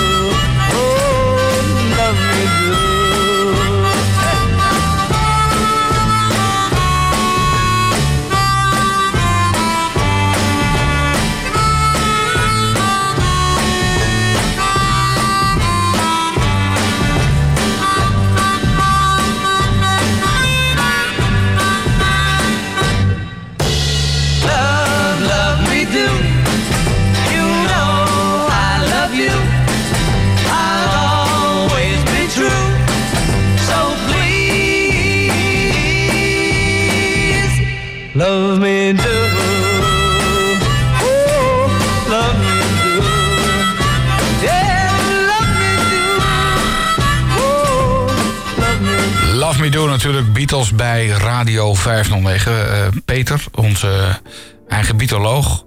Wat, wat riep je nou net? Dat, dit klinkt toch wel heel erg lekker hier op de speakers. Ja, dat klopt. Kwalitatief eh, is, het, is het beter dan als het bij mij uit de auto-speakertjes komt. Nou moet ik wel heel eerlijk zeggen, van, wij doen hier ook nog wel een sausje overheen hoor. Ons, eh, nou ik wil niet zeggen Beatles saus. Wij hebben gewoon een speciaal sausje over het geluid. Waardoor het net allemaal even iets meer smeuig klinkt. Daar houden we wel van. Dus eh, Love Me Do dus op een gestolen mondharmonica. Ik vind dat, dat vind ik al op zich een, een bijzonder gegeven nu. Dat als je dat liedje hoort en denkt... hé, hey, die mondharmonica die was niet voor jou. Tenminste, niet echt. Nee, dat klopt. En dat, dat soort kleine wetenswaardigheidjes, daar, daar, daar zit zo'n avond, eh, als ik voor eh, zo'n avond presenteer, zit het vol mee. ja. kun, kun je nog normaal naar de Beatles luisteren? Of heb je bij ieder liedje dat je even denkt van... Oh ja, dat en dat werd toen gejat. Of, Ja. nee, kijk, dat klopt. Ik ben natuurlijk zelf ook muzikant. Dus ehm, ik, ik luister dan ook, ook wel hoe het muzikaal in elkaar zit. En eh, ja, alle teksten ken ik natuurlijk door en door en door. Dus normaal naar Beatle liedjes luisteren, nee. Nee, ik, ik ken zoveel achtergronden en, en eh, eh, hoe, hoe bepaalde nummers ontstaan zijn. En dus normaal luisteren, nee. Maar dat vind ik ook helemaal niet erg. Maar ben je dan juist veel meer gaan luisteren omdat je op een gegeven moment... Hè, je vertelde net al, de eerste avond was dan vooral voor eh, vrienden, familie en ook je mede-bandleden. Maar op een gegeven moment denk je, oké, hier wil ik misschien wel wat meer gaan doen. Ga je dan eh, echt, nou, dan stel ik me zo voor, dagen achter elkaar alleen maar Beatle-liedjes luisteren? Nee, nee, nee, nee, nee, nee. nee ik, ik heb natuurlijk een, eh, een, een, enorm eh, boekenkast vol met, eh, met, met muziek. Muziekboeken. Nou, ik heb daar wat, wat Beatles uitgehaald. En ik ben me wel gaan verdiepen in van... als je nou zo'n avond organiseert... wat wil ik dan eigenlijk vertellen? Want ehm, zomaar een avond plaatjes draaien, dat, ja, dat, dat, daar hoef je niet voor naar een theater of zo te gaan. Dus ik wilde wel de achtergronden erbij hebben. En het leuke is, ehm, ik maak een hele grote mix tussen verschillende soorten achtergronden. Hè. Dus niet, niet alleen eh, hoe een nummer is ontstaan. ehm, maar ook, Beatles hadden een toch wel grote invloed eh, in de jaren 60 op van alles. Hè, en niet alleen dus muzikaal, dat ze, dat ze dus eh, een voorbeeld waren voor andere bandjes. Maar ook ze hadden best invloed op, eh, op de politiek, vergis je niet. Eh, maar ook eh, op de mode en dat, dat soort dingen vertel ik ook. Ik sta stil bij, eh, kort hoor, maar bij ehm, hoe toen in die periode eh, platen werden opgenomen. Hè, Ja. Mono, eh, twee, twee sporen hoog uit. En wat, hoe, hoe kan je dat dan terug horen? Ik sta stil bij grote optredens die ze hadden in de Verenigde Staten, in het Shea Stadium in, in New York. Wat uitversterkt werd door, eh, door hun versterkerleverancier, de firma Fox. Die eigenlijk gewoon compleet niet opgewassen was tegen 50.000 gillende trainers. En eh, d- da- da- daar sta ik ook kort even, even bij stil. Ik sta ook stil bij ehm, de zaken die eh, de Beatles eh, zelf ehm, in. ehm, hoe noem je dat nou?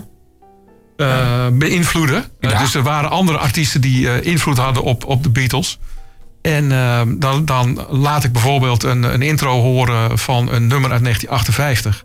En dan hoor je later dan het intro van, eh, van, van bijvoorbeeld een Beatle-nummer. En dan kan je heel goed horen dat de Beatles dat, dat eigenlijk een klein beetje Ja. geleend hebben. Oké, nee, maar, Ah, nou kan ik me voorstellen dat ze invloed hebben gehad op de mode. Maar in hoeverre heeft zo'n beentje als de Beatles... of hadden ze invloed op de politiek? Leg me dat eens uit. Nou, in, in het begin van hun carrière eh, moest, eh, laten we zeggen, de wereld kennis maken met ze. Ehm, dus de vragen die ze toen kregen in, in allerlei eh, persconferenties gingen over hunzelf. Van eh, welke instrumenten speel je en eh, waar gaan jullie nu naartoe? Wat hebben jullie voor een nieuw album opgenomen? Dat, dat, dat soort dingen. Maar later begonnen de, de interviewers steeds meer te vragen van... maar wat vinden jullie van? Wat vinden jullie van de, de, de oorlog in Vietnam? Hoe staan jullie daar tegenover? John Lennon heeft ooit een keer in, eh, in 1966 een, een interview gegeven voor een eh, Engels blad. En daar zei hij eigenlijk tussen neus en lippen door van... ja, wij zijn op dit moment zo ontzettend populair... en wordt door de jeugd meer over de Beatles gesproken dan over Jezus Christus. Oh, dat geloof ik meteen. Eh, ja. Werd hem niet dat- in dank afgenomen, hè? dat werd, in, in Engeland werd dat eigenlijk gewoon als... Ja, dat, dat snappen we, want dat is ook zo. Alleen in de Verenigde Staten werd dat absoluut, wat je zelf zegt Peter, niet in dank afgenomen. Er werden openbare Beatle-platenverbrandingen eh, georganiseerd. Eh, mensen boycotten hun, eh, hun, hun optredens. Dus in plaats van 100% vol zat het dan nog maar 75% vol. En er werd behoorlijk wat, eh, ehm, laten we zeggen, ehm, met modder gegooid richting de Beatles. Eén dingetje nog verder even als voorbeeld. Ehm, op een eerste Amerikaanse tournee ehm, eh, werd er eh, een, een optreden in het zuiden van de Verenigde Staten gegeven. En dat was alleen toegankelijk voor blanke Amerikanen. Oh, Toen de Beatles dat hoorden, toen hebben ze geroepen van... dan gaan wij dus niet spelen. Ik heb het over 1964. Ja, dan gaan was- wij dus niet spelen. En ze hebben dus aangegeven... wij willen absoluut een, eh, een, een, een goede vertegenwoordiging... van de, de, de bevolking van Alabama in dat geval. Dus er zitten dus ook gekleurde mensen in de zaal. Anders spelen wij niet. Kijk. dat vond ik wel heel dapper. In 1964. Ja, want dat was zeker in die tijd in Amerika natuurlijk echt, eh, nou nog steeds wel hoor, aan het 2023, maar toen ook zeker. Eh, ja, dus is de vraag, eh, hebben ze de, zijn ze daar toen to- toch op ingegaan? Mocht iedereen komen? Ja. Of hebben ze Ja. daar de autoriteiten daar voet bij stuk gehouden? Ja, en dan moet je je realiseren, ehm, in 1964 eh, waren die jongens 20, 22, 23 jaar oud. En hun manager was net 30, mm, iets ouder misschien. Maar die hebben dan toch eigenlijk de hele politieke eh, eh, confrontatie aangegaan. En die hebben ze dus ook gewoon netjes gewonnen. Ja. Whoopi Goldberg was een van de dames die dan inderdaad in het eh, publiek mocht zitten. Oké. Ja, die heeft later ook nog iets bijzonders gedaan met films op dat gebied. Hè? Of tenminste tegen racisme en zo. Hè? Dus ja, best wel een bijzonder verhaal. En als je dit zo vertelt in, in, in de zaal, wat voor reacties krijg je daarop? Ja, heel veel. Heel veel. Ik, ik daag het publiek ook altijd uit om vragen te stellen. Eh, dat vind ik namelijk het aller, aller, allerleukste. Eh, de interactie tussen, eh, tu- tussen, tussen mij en het, en het publiek. En eerlijk gezegd komen er ook wel eens vragen van die, die ik niet weet hoor. En dan zeg ik dat ook inderdaad. Er kwam een keer een mevrouw naar me toe, die, die, die riep vanuit de zaal, moet ik zeggen. Ik had namelijk net verteld dat de Beatles door hun manager Brian Epstein vanuit hun, hun leren, leren pakken eh, in, een, in een netjes eh, pak met, eh, met een boordje en een stropdas werd gehezen. En die mevrouw die riep uit de zaal, maar wat vonden die jongens er eigenlijk van? Ja. Ja, dat, dat wist ik op dat moment niet. Ik ben Oké, ik natuurlijk oh. meteen terug gaan zoeken. Maar ehm, het antwoord daarop is nu, eh, ze vonden het prima als ze maar bekend werden. Oké, oké. Dus dat is ook een manier om, eh, om erin te staan natuurlijk. Hè? Ja. Want, was, want was dat dan ook al eh, vrij snel het doel van de jongens? Ik bedoel, op, Ja. op een gegeven moment, je komt bij elkaar eh, met z'n vieren en je besluit, je denkt, hé, hey, we zijn eigenlijk wel, we kunnen wel kijken of we een beetje leuk muziek kunnen maken. Maar of je dan meteen al voor ogen hebt van wij, wij willen beroemd worden. Ja, nee, maar dat klopt. Dat is, dat is, Emiel, dat is heel, heel, heel duidelijk geweest. Ehm, eh, ze, ze kwamen eh, van, van, van de middelbare school af. Ehm, vergis je niet. ehm, Lennon, McCartney en Harrison hebben middelbare schoolopleidingen gevolgd... die je kunt vergelijken met het eh, lyceum. Dus dat waren slimme jongens. Echt, echt super slimme jongens.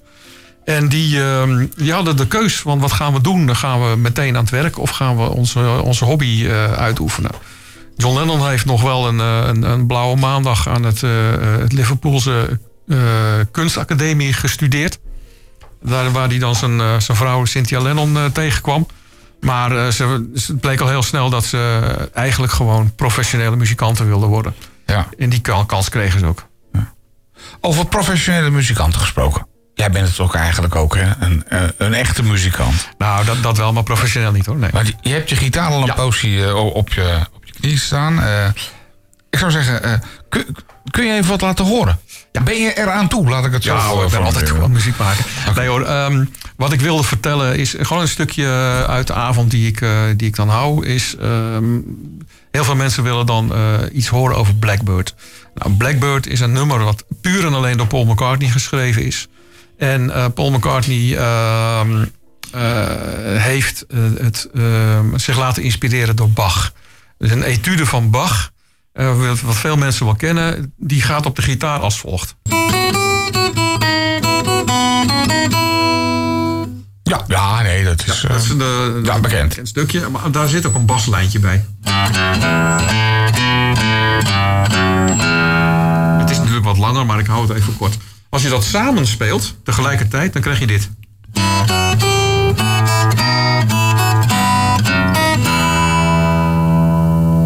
ah ja, Dat, dat is de basis van, van Blackbird. En, en, en Blackbird, eh, even zonder zang, eh, klinkt zo.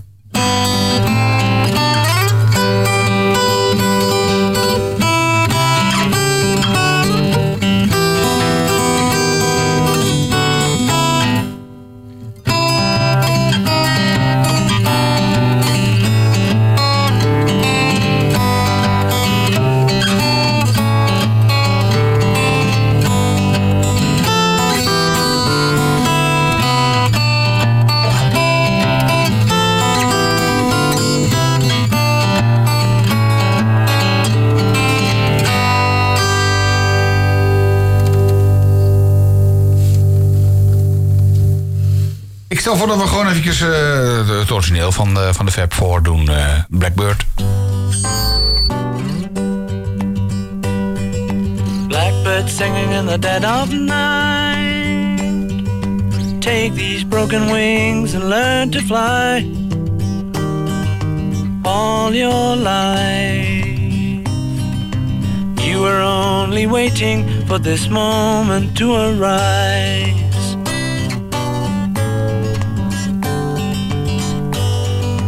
Blackbird singing in the dead of night. Take these sunken eyes and learn to see all your life. You were only waiting for this moment to be free. Blackbird fly. Blackbird fly black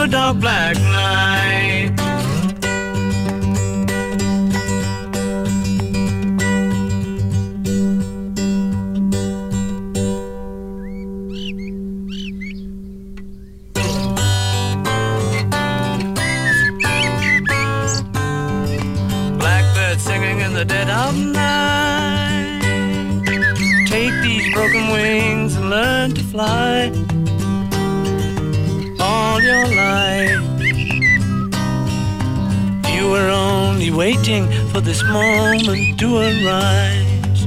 You were only waiting for this moment to arise. You were only waiting for this moment to arise. Blackbird bij natuurlijk Radio 509, de Beatles. Eh, toen ik hem net opgezet had, zei je... eh, ik heb hier ook nog een verhaaltje bij. Ja, en niet alleen om, eh, om het aan te kondigen hè, van hoe het ontstaan is, maar ook om een beetje de, de missers op de gitaar net eh, goed te praten. Ehm, dit nummer gaat niet over een merel. Oh, Het gaat, dan gaat het niet over. Je hoort hem wel op de achtergrond, maar Paul McCartney heeft dat geschreven toen hij eh, in de Verenigde Staten o- op tournee was met, de, met de Beatles. En hij eh, ergens in een, een straat een, eh, een donkere mevrouw eigenlijk zonder reden eh, door de politie eh, te zien op, eh, oppakken. Op een redelijk hardhandige manier. Nou, dat is natuurlijk nog steeds actueel. Maar ehm, hij heeft dit dus geschreven om, eh, laten we zeggen, de, de positie van de donkere Amerikaan ehm, eh, ter discussie te stellen. Dus misschien op deze manier die tekst nog een keer luisteren. Ja. Dan, eh, dan, dan weet je waar het echt over gaat. ja. Weet je waar ik het zo ook nog even met je over wil hebben? Over eh, Paul McCartney. Is die nou dood of niet? Ja, ja, ja, ja dat is leuk. Ja, daar heb ik, eh, want eh, ja. nog altijd heb ik het idee, ja, ik heb er een keer een heel verhaal over gehoord, ook een documentaire Ja. gezien. Dit, de man die we nu kennen als Paul McCartney zou geen Paul McCartney zijn. Maar goed, daar moeten we het zo nog even over hebben. ja, ja, dat is prima. Ja.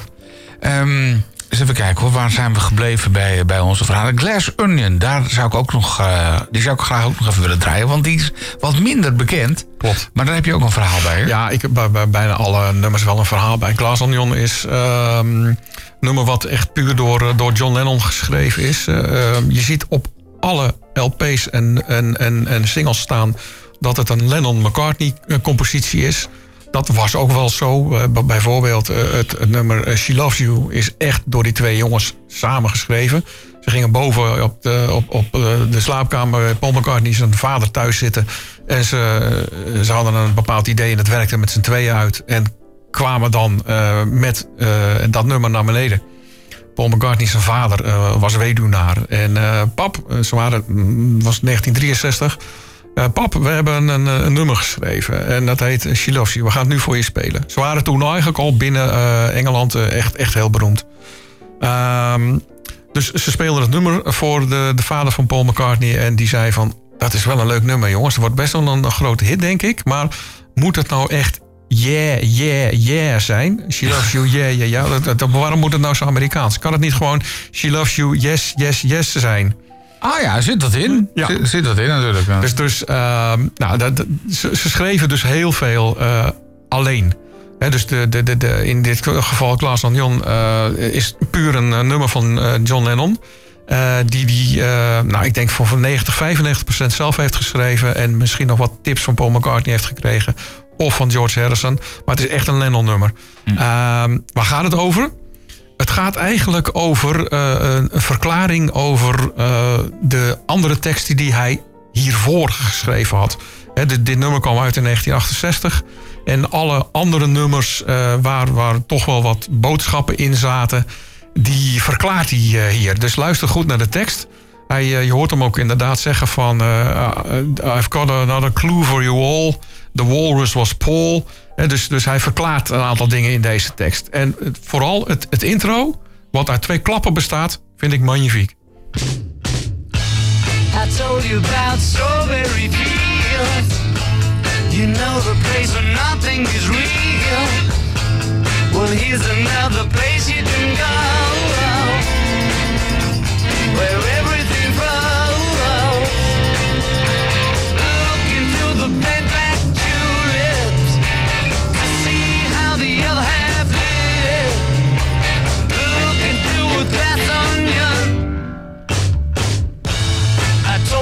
out the war is a mean man.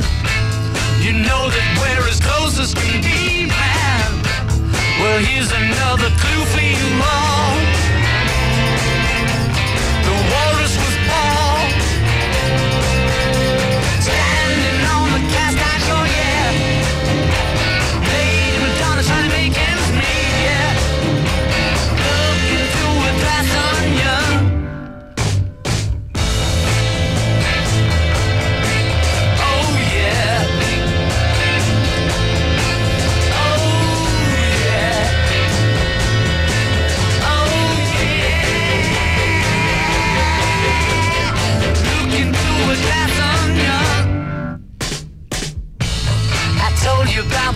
around the hill. I tell you, man, he's living there still. Well, here's another place you can be.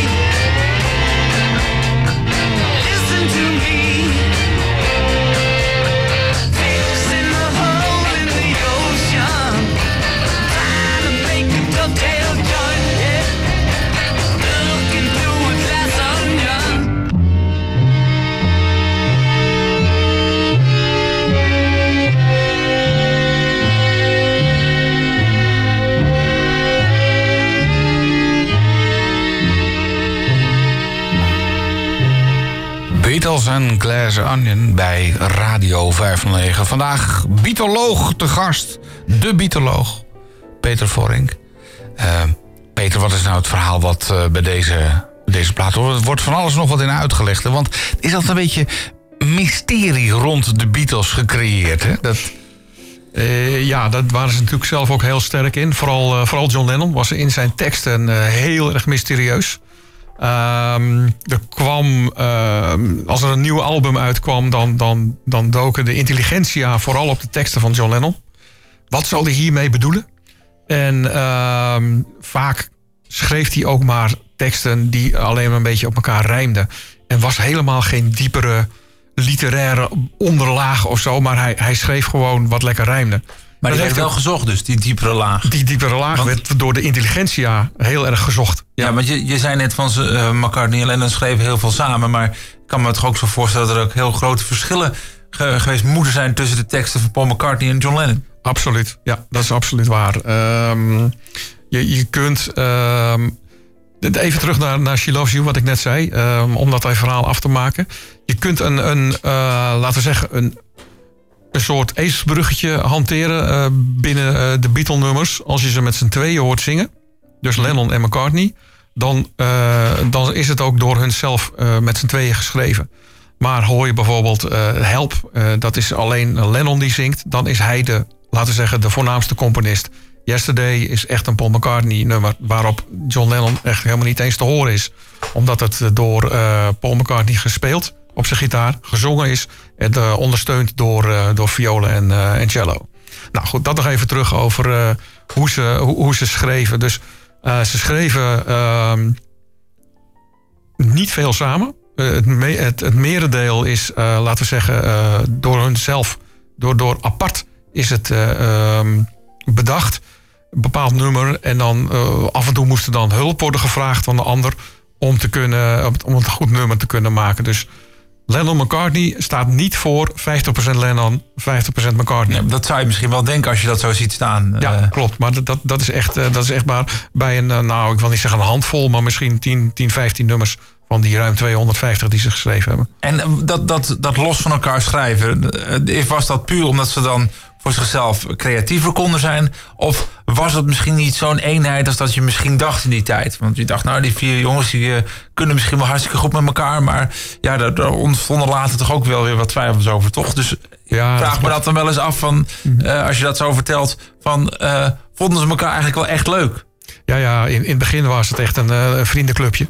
En ook toen de, laten we zeggen, de, de, de grote successen en de miljoenen binnenstroomden, is het gewoon een vriendenclubje gebleven. Maar ja, later ging dat, eh, ja, dat toch eh, fout. Ehm, maar je vraagt eigenlijk niet eens meer. ja, dat hoor je vaker, dat, dat ze ruzie krijgen Ja, precies. Omdat uiteindelijk, Ja. uiteindelijk hè, je begint als vriendenclubje, maar het groeit dan misschien toch een beetje uit elkaar. Zou dat toch ook met dat succes misschien te overweldigend geweest zijn? Ik bedoel, die jongens konden natuurlijk nergens komen zonder eh, Nee. dat ze beveiliging nodig hadden. Dus eh, ja, Ja. Dat, dat, doet toch iets met je. Ja, dat, dat, dat is inderdaad waar. Ehm, maar je, je, vraag, ik weet het weer, eh, ging over het, het verschil in componeren. Ehm, dat, dat ontstond voornamelijk als ze dan vrij af hadden. Dan, dan gingen ze naar hun eigen, ei- eigen woning natuurlijk. En daar begonnen ze dan eh, te componeren. En ehm, wat ik net zei of zei, ik, ik, ik ben ook een van de componisten van onze band. En ehm, je, je bent thuis lekker wat aan het, aan het pingelen. En je denkt gewoon een leuk melodietje. En je schrijft een tekstje bij. Maar op een gegeven moment ehm, loop je toch wel eens een keer vast. En dan heb je gewoon hulp nodig van iemand anders. Nou, dat deden ze heel vaak. Ze, dus ze reisden heel vaak, hè, Lennon en McCartney, eh, s s'avonds vooral naar elkaar toe. Om dan, eh, ja, ik ben met dit nummer bezig. Heb je een idee hoe ik daar verder kan komen? Nou, enzovoort, enzovoort, enzovoort. Dus, ehm, maar er gaat ook een, een, een prachtig verhaal over. ehm, eh, ja, ik vind het een van de minste nummers die ze ooit geschreven hebben. Ehm, dat wordt gezongen door, eh, door Ringo, eh, I Wanna Be Your Man. En eh, I Wanna Be Your Man is eigenlijk een heel, heel, heel, heel simpel, simpel nummer. Wat ze eigenlijk al voor 80% klaar hadden. En ehm, ze kenden de Stones. Eh, die kwamen elkaar ook regelmatig tegen. Ze gingen, eh, gingen ook naar mekaars concerten eh, wel om, om te kijken wat, wat de concurrentie deed. En ze waren absoluut niet, laten we zeggen, vijandig tegenover elkaar. Maar ze zochten elkaar ook op. En ze belden elkaar ook van, joh, wanneer hebben jullie weer een singeltje? Dan zorgen wij dat ons singeltje misschien iets eerder of iets later uitkomt. Hè, om de verkoop niet in de weg te zitten. Oh, dus daar werd wel over nagedacht. Ja, daar werd over, over nagedacht. Maar voor de Stones bekend werden, eh, hadden die mannen wel alvast contact, eh, contact met elkaar. En dan gaat het verhaal dat ehm, Mick Jagger en Keith Richards de, de Lennon en McCartney tegenkwamen in Londen. En eh, waren op zoek, hè, de Stones waren op zoek naar een, naar een nieuwe single. En in die tijd was het heel normaal dat Engelse bands alleen maar covers speelden van Amerikaanse hits. De Beatles waren eigenlijk de eerste die eigen eh, materiaal op de plaat zetten met succes. Nou, de Stones zeiden van dat willen wij ook, maar wij kunnen helemaal niet schrijven. Hebben jullie iets voor ons? Nou, toen zijn Lennon en McCartney eh, meegegaan naar de, de, de studio waar de, Stones op dat moment aan het opnemen, opnemen waren. Gingen in een hoekje zitten met, eh, met een gitaartje op de knieën, hebben dat nummer afgemaakt. I Wanna Be Your Man. En dat werd de eerste hit van de Stones. Geschreven door Lennon en McCartney. Oké, ik stel voor dat we, dat we die gewoon even draaien. Tenminste, de, de, de Beatle-uitvoering Ja. uiteraard. Het, eh, wat jou betreft het minst goede nummer van ze. Hè?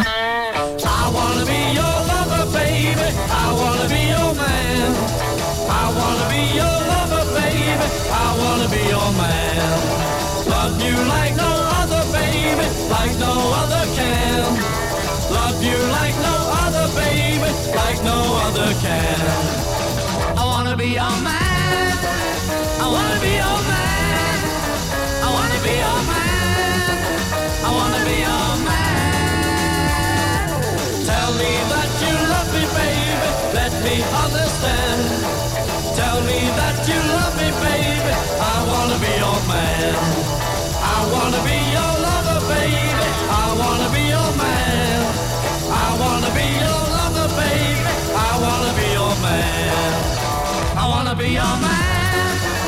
I wanna be your man. I wanna be your man.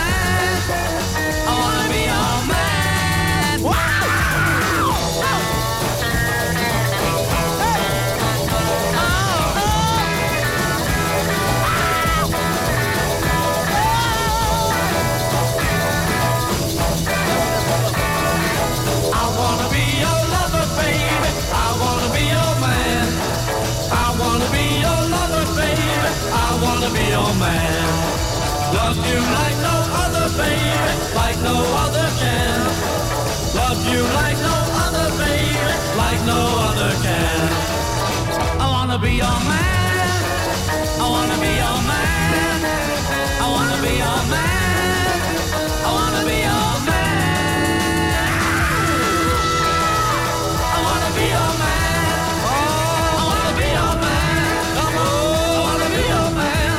Volgens onze Beatoloog niet het allerbeste nummer van de Beatles in ieder geval. I Wanna Be Your Man.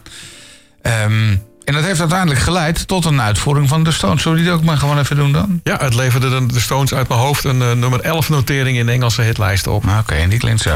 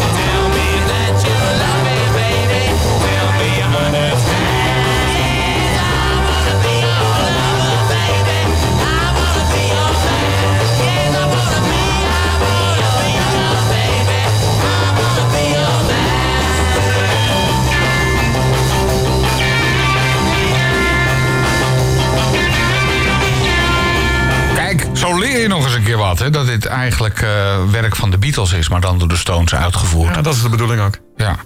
Eh, Maar dit is echt onmiskenbaar Stones, hè? ja. Ja, meteen. Het is meteen dat eh, zodra ze dan eh eh, Mick Jagger zo begint te zingen, je weet meteen het is Stones. Het geluid meteen ook als je. Ja, absoluut. Het is toch zo anders dan, dan de Beatles. Maar dan toch leuk om te weten dat de Beatles het dus eigenlijk geschreven hebben. Ja.